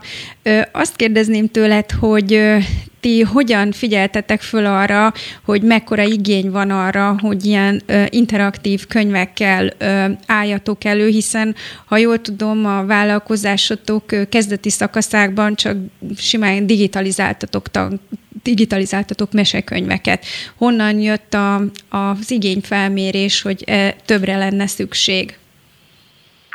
Igen, mi 2015-ben kezdtük a Bookert, és tényleg az volt a kezdeti ötlet, hogy a klasszikus mesekincset szeretnénk átültetni a digitális világba, mert mi abban nagyon hiszünk, hogy, hogy a történeteknek és a meséknek igenis a képernyőn is lehet helye. Ugye azt nem volt nagyon nehéz észrevenni, hogy a képernyő az egy központi közvetítő eszköz a családban, minden formában, ugye úgy, ahogy a szülőknél, úgy, ahogy a, gyerek, úgy, ahogy a gyereknek a kezében is ugye megjelent, és arra próbáltunk egy megoldást találni, hogy hogy lehetne idézőjelben legalizálni ezt a képernyőidőt, és tényleg értékes tartalommal megtölteni. Legalizálni a képernyőidőt, ez nagyon jó. és hát ugye mi lehet az, ami, ami ennek abszolút megfelel, az a meséknek és a történeteknek a világa, úgyhogy mi elke, igazából elkezdtünk sorba végiglátogatni kiadókat, immár hat, majdnem hét évvel korábban, és a Móra kiadó amúgy abszolút már a kezdetek fogva nagyon lelkes volt, és az ő könyveivel kezdtük el a vállalkozásunkat, úgyhogy a Janikovszki könyveket, a Vukkot, akár Rejkároly rajzokat mozgattunk, tehát tényleg a klasszikusokat életre keltettük tulajdonképpen, és hát hatalmas sikere volt már a kezdetekben, és akkor utána egy egyetemi vizsgálat következményeként indult el az edukációs vonalunk, mivel a Szegedi Egyetemen egy kutatócsoportban olyan fantasztikus eredményeket kaptunk, hogy a mi formátumunk az eredményesen vonható be az oktatás folyamataiba, így igazából három éve már ez a fő fókuszunk, hogy... És mi ennek a, a, a, a bocsánat, hogy félbeszakítalak, mi ennek a kulcseleme, szóval mi az, ami így megragadja a gyerekeket? Hát maga a, azok a feature-ök, amiket eszközök, funkciók, amiket a könyvekben a könyvekbe tulajdonképpen összecsomagolunk, tehát kombinálunk, tehát nálunk az animáció, a, a hangeffektek, az élő színész által felolvasott narráció, a hotspotok, a zoomok, a játékok, azok mind az olvasási élmény, a könyvélménynek a részeivé válnak. Ezáltal egy sokkal hát intenzívebb, izgalmasabb ö, olvasási élményt nyújtanak a gyerekeknek, mintha papíron olvasnák. És ez nem jelenti azt, hogy a papírtól el kell búcsúzni, ez egy kiegészítő eszköze a papír alapú olvasásnak, illetve ugye ez ö, akár a mézes madzaként is tud működni, hogy aki megszereti akár a könyveket és a történeteket a bukeren keresztül, az mi nagyon hiszünk benne, hogy közelebb fog állni a papírhoz is, és hogy a történeteket papíron is ugyanúgy fogja élvezni. Mennyire veszélyes az, hogy, hogy elég korai időszakba kerül a gyerekek kezébe mindenféle digitális eszköz, végül is a booker is valamiféleképpen a nagyon alacsony korosztályra kezd célozni az alapkönyveivel?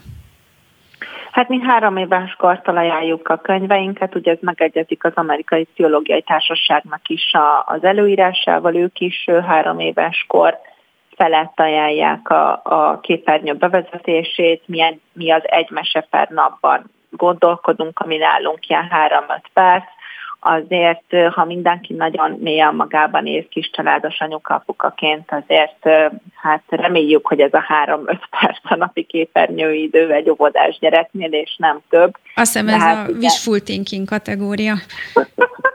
Igen, meg hát ugye a tévét is azért sok, vannak olyan háztartások, ahol egész nap megy a tévé, tehát a kontrollált média fogyasztásnak lehet az, egy új formája a digitális mesekönyv, úgyhogy mi, mi ebben próbálunk valami újat és értékeset nyújtani.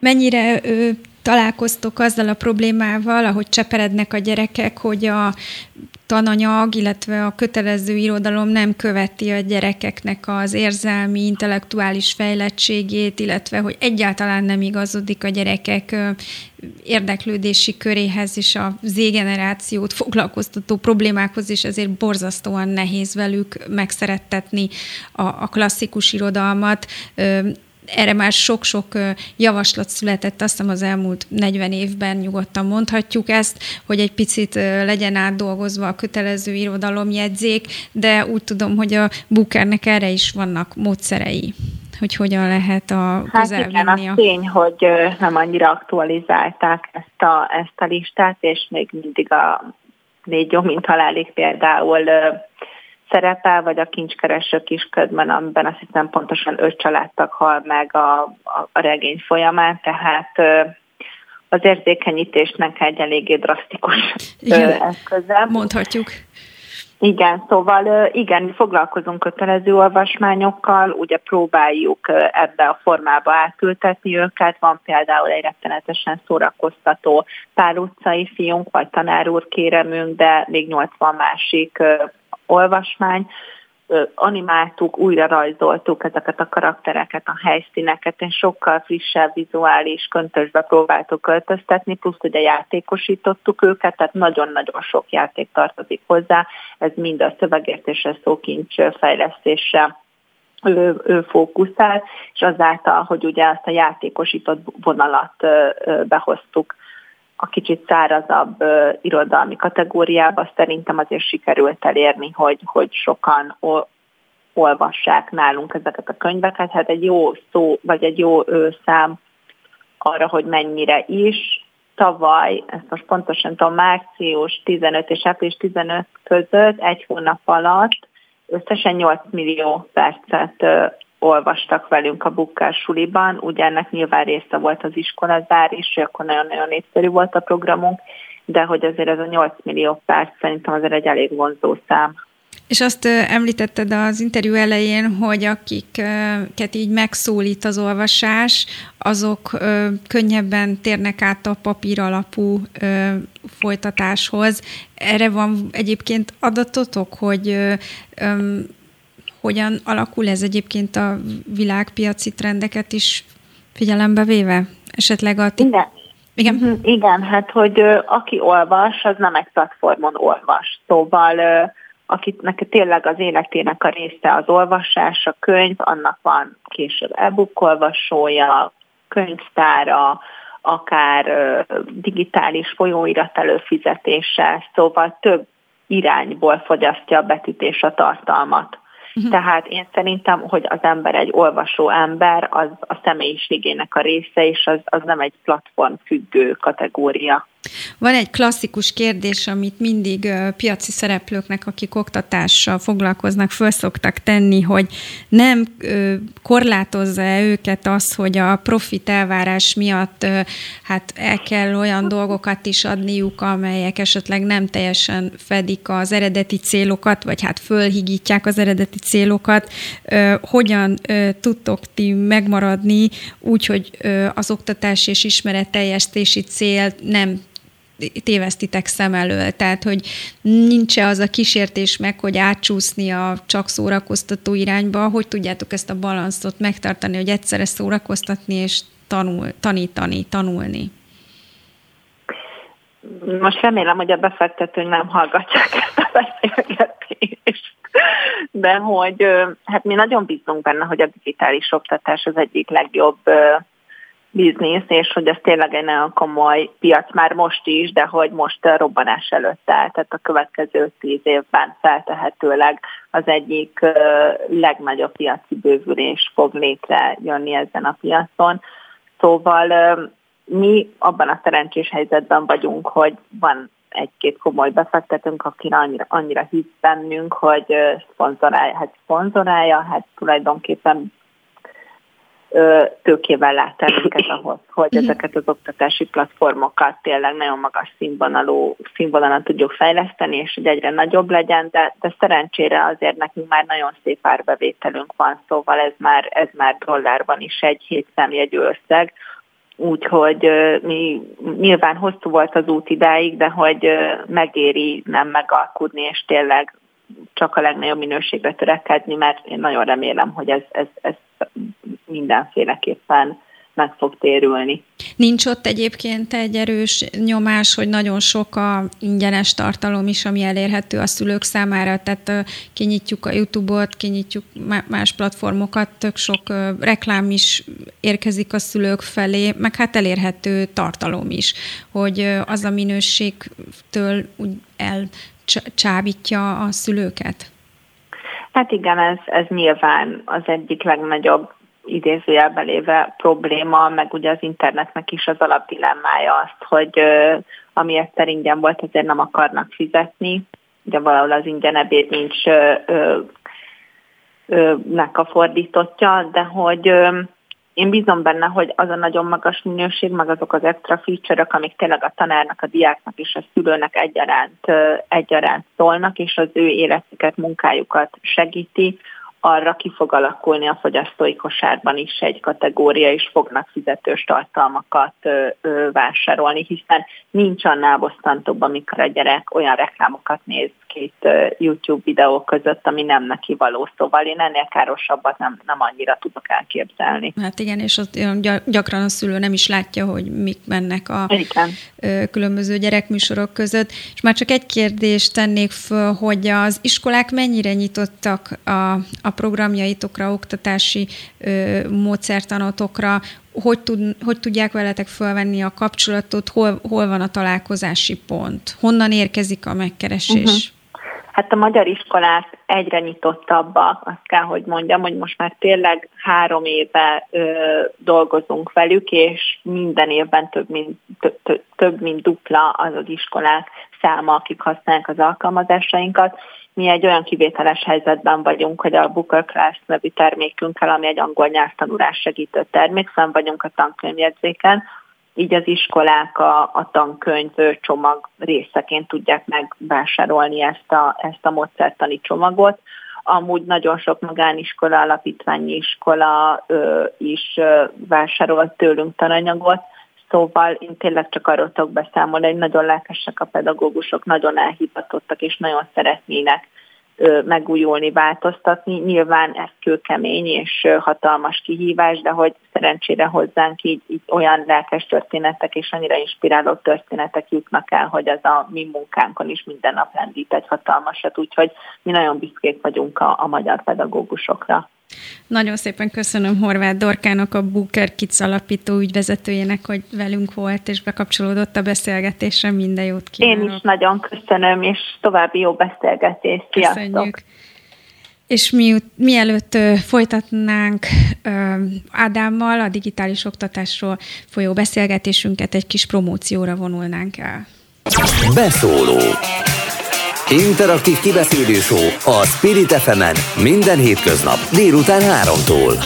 Várjuk hívásaikat a 0630 116 38 44-es nem emelt díjas telefonszámon. A mikrofonnál Ónadi Molnár Dóra.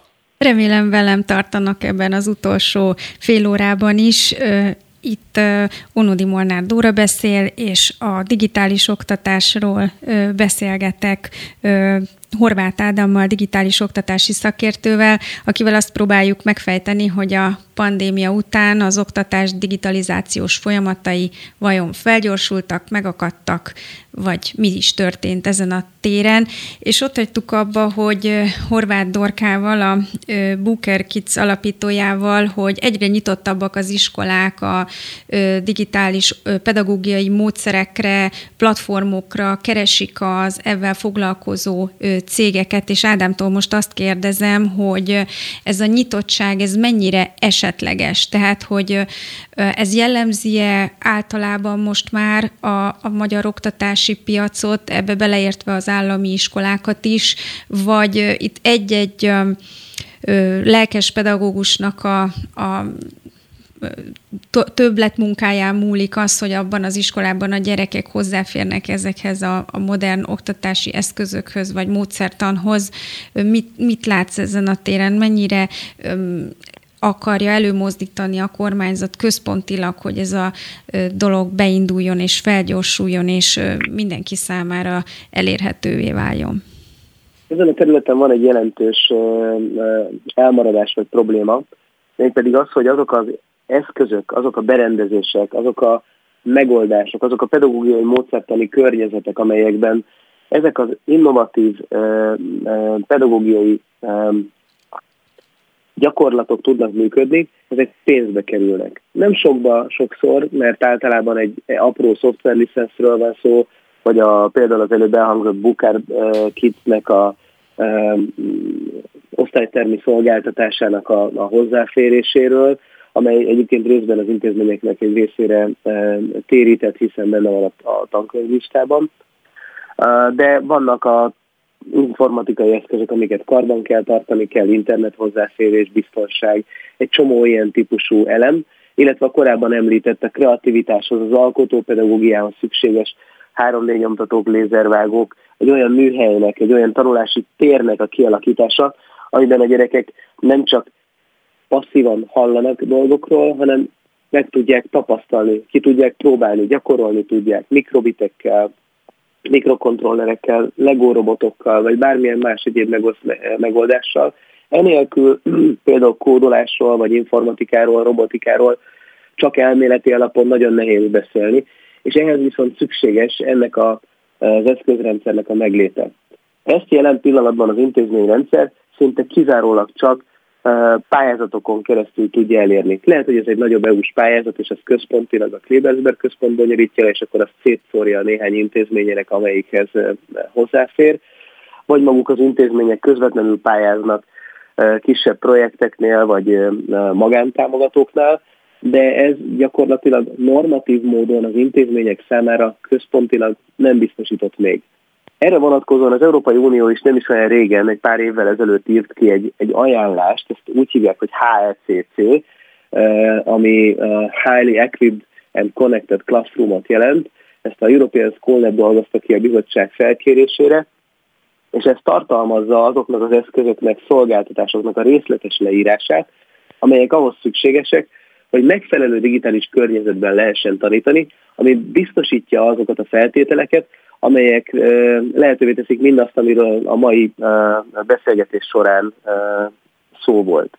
És ez nagyjából egy ilyen 250 és 500 euró közötti évente gyerekenkénti normatív finanszírozást igényel, ahhoz, hogy ez működőképes legyen és fenntartható legyen. Ugyanis az sem működik, hogyha beszélünk néhány eszközt, egy évben, és aztán 7-8 év múlva lehet majd ezeket pótolni, mert addigra ezek olyan szinten elkopnak, vagy elhasználódnak, hogy utána nem, nem tud rá a tanár állandóan számítani, hogy én akárhányszor bemegyek az órámra, akkor az működjön. Ugyanez volt a probléma korábban az interaktív táblákhoz kapcsolódó projektorral, aminek az izzója állandóan kiégett, és akkor hiába készült a tanár a, az órára, nem, nem tudta rendesen használni ezeket az eszközöket. Tehát digitális oktatásra való áttérésnél azzal is foglalkozni kell, vagy azt is biztosítani kell, hogy ezek a feltételek állandóan rendelkezésre álljanak, mert a tanárnak nem az a feladat, hogy ő rongáljon e-, elemér, vagy, vagy, vagy megoldja azt, hogy az egér nem kapcsolódik a, a laptopjához.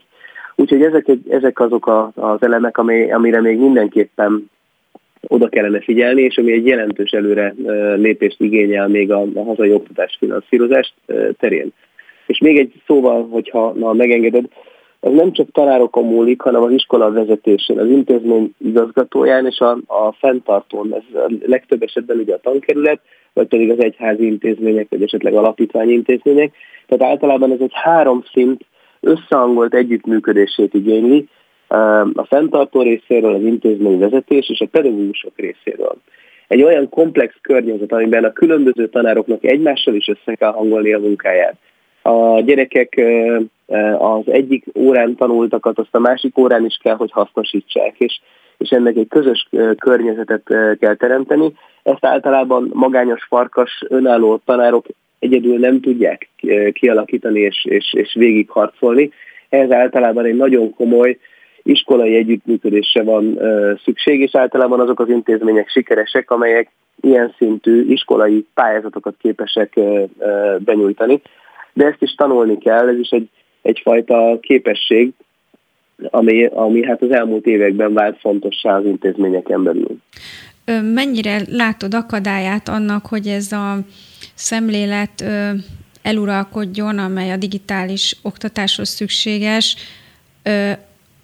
ott, hogy ugye a nemzeti alaptanterv az bizony egy eléggé hát avitas ö, történet, sok-sok lexikális tananyaga, rengeteg előírással, tulajdonképpen nagyon, ha, ha szó szerint veszi a pedagógus, akkor a, ugye hát az abban, abból levont kerettanterveket, az nagyon gúzsba kötti a, a kezét, és tulajdonképpen csak akkor tudja teljesíteni, hogyha ha ő odaáll a katedrára és darál.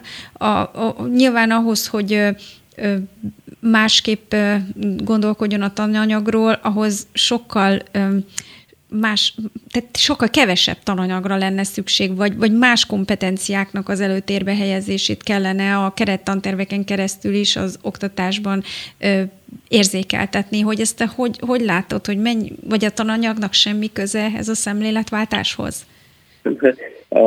is, meg nem is. Alapvetően nincs olyan pedagógus, aki a NAT alapján tanít, legfeljebb kerettanterv vagy a helyi tanterv alapján, de nem akarok szőrszálhasogató lenni, meg elveszni ezekben a fogalmakban.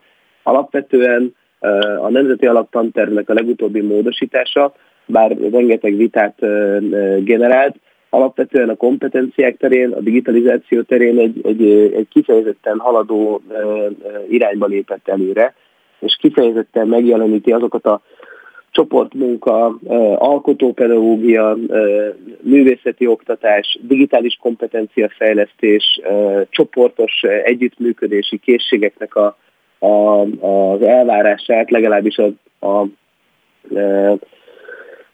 az általános részbe szembelül, amelyek egyébként a 21. századi munkaerőpiacon szükségesek. Igen, hát erre a... szokták mondani, hogy szavak, szavak, szavak, gyönyörűek. Igen.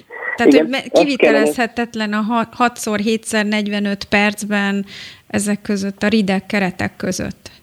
Ennek a lebontása, az érettségi ö, ö, tartalmának a, az, az átalakítása és igazítása, illetve a a, középiskolai felvételinek a, az átalakítása azok, amelyek ennél fontosabbak, és, és amelyek nagyon sokat segíthetnének abban, hogy ez a típusú mindenki által érzékelt lexikális nyomás, ez, ez enyhüljön egy picit, de ez nem önmagában a NAT-ból fakad, nem a NAT-ra vezethető egyedül vissza, ez egy sokkal több tényezős folyamat, és ezzel érdemes lenne mindenképpen foglalkozni, talán egy, egy, egy bővebb keretben is.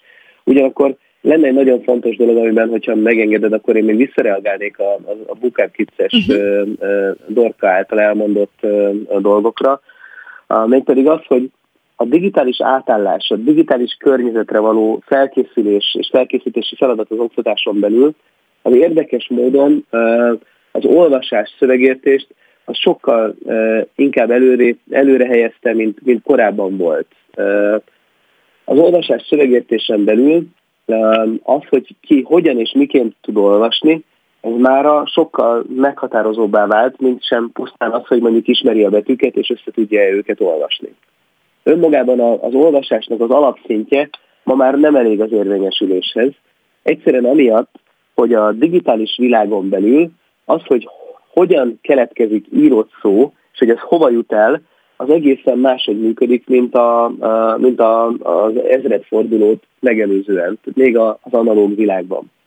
Abban a korban, amikor mi nőttünk fel, akkor a könyvek, az újságok és a, a tévéműsorok képernyőire, lapjaira olyan szövegek kerülhettek ki, amit valaki lektorált, minősített, ellenőrzött, a könyvekbe a kiadók nagyon komoly lektori munkával raktak bele szövegeket, ami azt jelentette, hogy az olvasó számára, a befogadó fél számára már előrágva, előminősítve, elővalidálva voltak ezek a szövegek. Ma viszont az internet korában egyrészt lényegesen több mennyiségű írott szöveggel találkozik bárki, aki csak a Facebookon vagy bármilyen más közösségi médián olvas, de ezeknek a szövegeknek a töredéke sincsen validálva, ellenőrizve, vagy valamilyen úton, módon ö, ö, megvizsgálva. És ezért külön fontosnak tartotta az OECD, hogy megvizsgálja, hogy hányan a gyerekek közül, hányan képesek különbséget tenni a tény és a vélemény között. És nagyjából azt találták, hogy a gyerekeknek az egy tizede képes egy szövegen belül, egy komplex szövegen belül elkülöníteni, hogy azon belül mi a tény és mi a vélemény. És nagyjából a gyerekeknek a negyede képes ö, megállapítani egy nagyobb szövegen belül, hogy miről szól, mi a fő ö, mondani valója, és hogy hogyan kapcsolódnak azon belül az egyes információk. Ami azt jelenti, hogy az írás-olvasás szövegértésnek a, a fejlesztése nélkül a minket körülvevő digitális világnak az információit sem vagyunk képesek feldolgozni. Legtöbben, legtöbbször ugyanis ezek még továbbra is írásos formában érnek el bennünket. Ezért nagyon-nagyon-nagyon fontosnak tartom, hogy az írásolvasás szövegértést az sokkal jobban megerősítse a, a, az oktatás, és ne csak általában a betűk tanítását, hanem az értőolvasást, mert enélkül a digitális világban kiszolgáltatottak vagyunk a fake newsnak és az egyéb olyan a valóságunkat, az egész környezetünket befolyásoló tényezőknek, amelyek alapján nekünk döntéseket kell hozni. És nem leszünk képesek ezeket a megfelelő döntéseket meghozni, akár a klímaváltozással, akár egy politikai kérdéssel, vagy a választásokkal kapcsolatosan sem, hogyha nem tudunk értő módon szöveget olvasni. Ezért nagyon fontos erre digitális és nem digitális formában is a lehető legnagyobb hangsúlyt fektetni.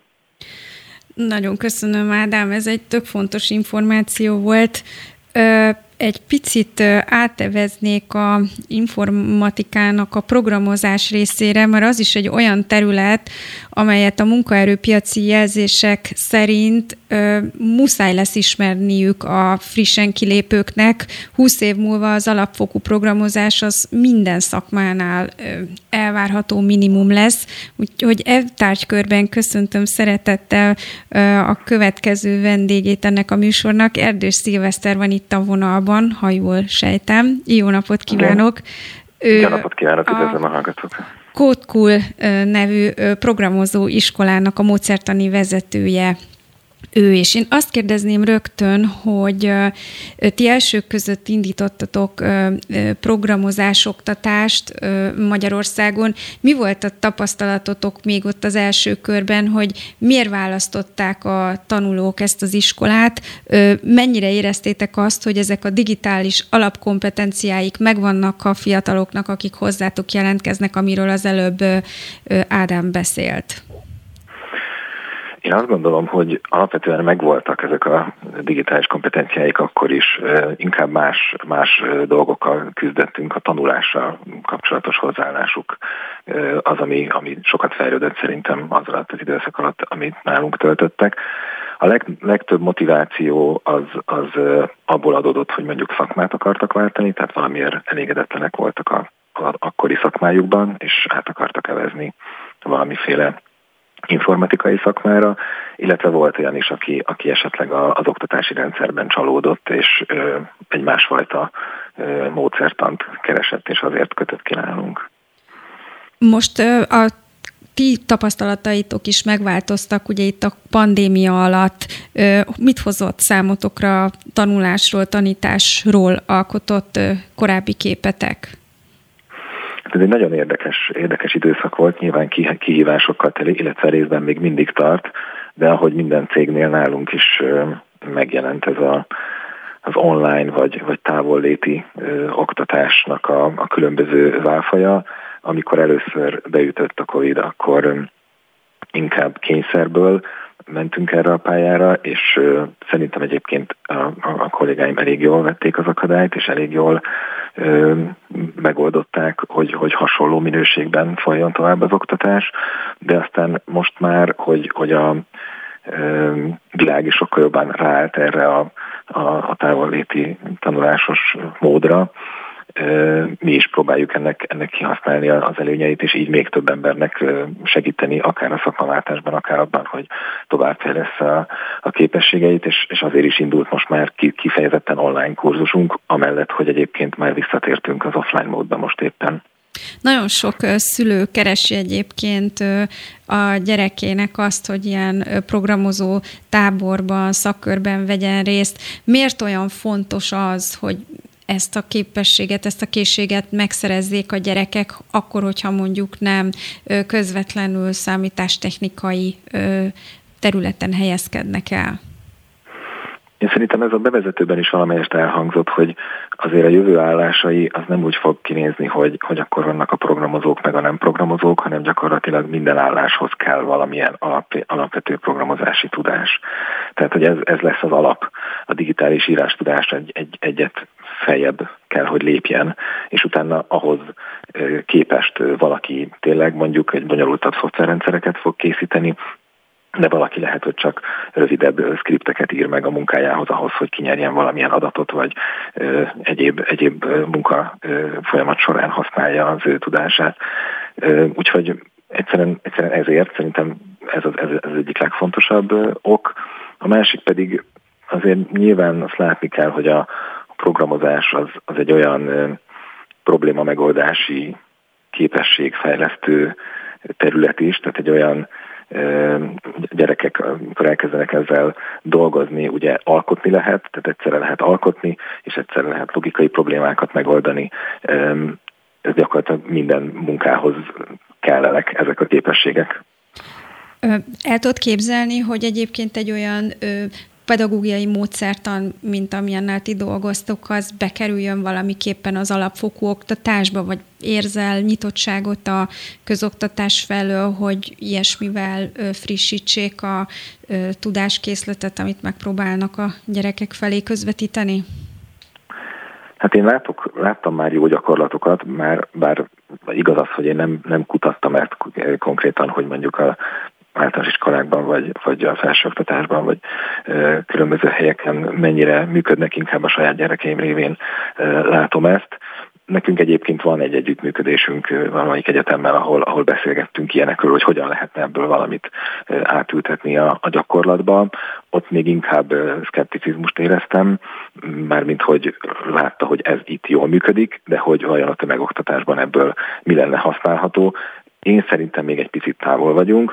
Ezt csak azért kérdezem, mert nektek kifejezetten úgy van összeállítva a programotok, hogy garanciát vállalatok arra, hogy aki nálatok végez, az el tud helyezkedni, tehát ez egy olyan minőséget feltételez, ami mondjuk jól jönne a gyerekeknek is az iskolában, és biztos hallottál róla, hogy sok iskolában úgy néz ki az informatika oktatás, hogy megtanítják, hogy hogy kell bekapcsolni a gépet, milyen eszközöket nem lehet bevinni az informatika terembe, hogy néz ki a rend és a a fegyelem az informatika terembe, és nagyjából Igen. becsukott termek várják a gyerekeket. Én azt gondolom, hogy azokat a valószínűleg már meglévő gyakorlatokat és ö, oktatókat kell támogatni, ahol, ö, ahol az oktatáshoz egy olyan szemlélet társul, hogy, ö, hogy képessé akarják tenni a, a gyerekeket, a diákokat arra, hogy, hogy valamit, valamit megtanuljanak, hogy valamit elvégezzenek, ahol, ahol engedik őket felfedezni, engedik a természetes kíváncsiságukat kibontakoztatni. Tudom, hogy vannak ilyen oktatók, mert én is találkoztam ilyennel, vannak ilyen intézmények, akik erre nagyobb hangsúlyt fektetnek. Én azt gondolom, hogy ebből, ebből az irányból érdemes megközelíteni ezt a dolgot. A természetes kíváncsiságot jó, hogy említetted, mert a programozásról ráadásul még van egy ilyen kép is a társadalomban, vagy hát sok szülőben mindenképpen, hogy az valami magas matematika, hogyha a gyerekem nem kocka, akkor úgyse fogom tudni őt motiválni arra, hogy ilyenbe részt vegyen, bölcsészeknek végképp nem ajánlott, tehát hogy van egy kép, képzetünk arról, hogy milyen a programozó, miközben hát egészen más típusú munkát is végez egy programozó, nem csak ezt a magas szintű kódolást. Igen, sokkal kevésbé van már ez a kép, hogy, hogy a programozó az, az, aki egy sötét pincében görnyedve ül és éjjel, éjjel kódol, és ő írja meg a világ legjobb algoritmusát. Jellemzően csapatban dolgozik a programozó, jellemzően nagyon fontos neki, hogy úgynevezett soft legyenek, hogy jól tudjon kommunikálni, prezentálni, visszajelzést adni, problémát megoldani. Ezeket keresik most a, a, a, az ügyfelek, és az is igaz, hogy tehát mi egyébként nagyon sok energiát fektetünk abba, hogy az ilyen tévképzeteket lebontsuk a különböző nyílt napjainkon, és egy csomót beszélünk erről. Például, és most említetted a, bölcsészeket, hogy a bölcsészek nyelvvel dolgoznak, a programozás is nyelv, nagyon jó kapcsolat van a természetes nyelvek és a programozási nyelvek között. Van, hogy könnyebben megérti egy programozási nyelvstruktúráját az, aki egyébként a nyelvekben otthon van. Tehát le kell, le kell vetkőzni ezeket a, a sztereotípiákat valahogy. Igen, van az a fajta programozó, aki ő, ő ír meg egy nagyon fontos algoritmust, és ő, ő tudja még tovább fejleszteni, de ez, ez a kis százaléka most már rengetegen vannak, akik a Misuringból is inkább projektmenedzsmentesebb irányba mennek el a programozón belül, inkább mondjuk egy teszter irányba, vagy egy, egy rendszergazdásabb irányba, tehát hogy a programozókon belül is vannak már mond, ilyen kasztok, vagy különböző szerepek, ahol, ahol ugyanúgy programozók, csak egy más jellegű tudásukat használják fel, vagy egy szervezés szerzési tudásukat, egy kommunikációs tudásukat, de mindenféle van. Mennyire érzed azt egyébként, hogy pszichológiai akadályai vannak sokszor annak, hogy valaki mondjuk akár így önszorgalomból nekiálljon pro- programozást tanulni, vagy akár egy, egy ilyen iskolát válasszon később, amikor felnőtt?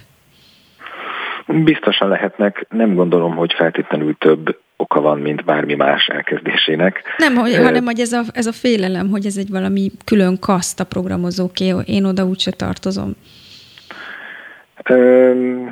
Biztos van ilyen. Biztos van ilyen. Mi egyébként, mert nyilván most azokról tudok én főleg beszélni, akik már nálunk vannak, akik már, már tanulnak. Én a, a jelentkezőkkel kevesebbet beszélek, de, de én azt tartom fontosnak, és a mi programunknak egy nagyon fontos része ez a tanulni, tanulás, és amikor jönnek hozzánk a, a diákok, akkor a első hónapban éri őket egy olyan, olyan workshop vagy tréning, ahol, ahol ezzel a tanulni tanulással, ugye ez az úgynevezett growth mindset, ez a növekedési szemlélettel találkoznak, ahol, ahol pont abban próbálunk nekik segíteni, hogy, hogy lebontsák magukban ezeket a, ezeket a gátakat, amik, amik beépültek, hogy én úgysem értek ehhez, én nem lehetek ilyen, ehhez csak azért, hát hogy, tehát hogy ezeket próbáljuk nekik segíteni, hogy ezt keretezzék magukban át, és, és egyébként mi is, a, a munkatársaim és a, és a többi diák is egy olyan közeggel veszi körbe az adott diákot, hogy, hogy állandóan kapják a visszajelzéseket, főleg pozitív visszajelzéseket arról, hogy igen, ő jó úton halad, és ez neki igenis megy, és működik. Ez és a tanulás, így, így igen. Működik. És csak azt, azt akarom mondani, hogy így működik, tehát hogy így sikerülhet. És ez a tanulási módszertan ennek köszönő viszony, ez köszönő viszonyban sincs a magolással, ha jól sejtem. Hát messze van tőle, igen. Tehát, hogy ez is egy ilyen cselekvésen keresztül elsajátított ö, tudás. Igen, én alapvetően abban hiszek, és egyébként nem csak én, rengeteg kutatás van róla, szerintem már több évtizede elérhető, hogy egyrészt a cselekvésen alapuló, másrészt a visszajelzésen alapuló. Megcsinálok valamit, azt megnézi valaki, visszajelzést ad rá, én tanulok belőle, aztán lehet, hogy ő csinálja meg, és én nézem meg, és attól eltanulom tőle, én adok neki visszajelzést. Ezeknek a iterációknak kollaboratív, közösen megoldunk feladatokat, határhatunk egymásra. Tehát igen, projekt alapú, csinálni kell, együtt kell csinálni, így, így, így tanulunk a legtöbbet. Nagyon szépen köszönöm Erdő Szilveszternek, a Kódkó módszertani vezetőjének, hogy megosztotta tapasztalatait. Köszönöm, hogy Köszönöm és a meghívást. És akkor itt lassan a műsor vége felé ö, Ádámtól azt kérdezem, hogy emlékszem egy korábbi interjúdra, amiben azt mondtad, hogy önmagában az, hogy valaki gyorsan megtanul gépelni, az mennyire felgyorsítja a munkafolyamatokat, és hogy hatékonyabbá teszi a munkavégzésben, hiszen felszabadul egy csomó olyan idő, amit korábban a gépeléssel töltött, hogy valahogy azt, ezt a hasonlatot ö, hoztad föl, amikor a programozásról beszéltél, hogy így fogja valahogy átalakítani az összes szakmát, ahogy a gépírás is átalakította a kommunikációnkat, tehát ez a gyors, gyors gépelés. Hmm, ennél én azt gondolom, igen, tehát ez egy nagyon fontos elem, és azért több országban, sőt az országok jelentős részében, a fejlett országokban a, a gyorsírás, a gépírásnak az oktatása az beépül az oktatásba, mert minél korábban a gyerekek megtanulnak gépírni, annál gyorsabban válnak képessé arra, hogy nagy tömegű szöveget rögzítsenek, gyorsan válaszoljanak kérdésekre, kisebb eszéket összeírjanak, és ezzel nem menjen az idő. Háromszor, négyszer gyorsabban lehet úgy írni, hogyha valaki tíz ujjal tud gépelni, mint hogyha csak két ujjal, két ujjal tötyög, és közben miközben, ha valaki két ujjal tud pötyögni, akkor a billentyűzetet kell néznie, aki meg tíz ujjal tud gépelni, ezt pedig a monitor tudja nézni, így látja, hogyha valamit elgépelt, és tud rajta javítani. Ez önmagában egy gigászi hatékonyságjavulást jelent, és az, aki tud tíz ujjal gépelni, az tök könnyebben tud tanulni, szövegeket feldolgozni, és jegyzeteket készíteni, miközben valamit olvas, és ez egy hatalmas előny és emiatt gyakorlatilag maga a tanulás is egy élményé válik, mert sokkal haladósabb lesz ezáltal.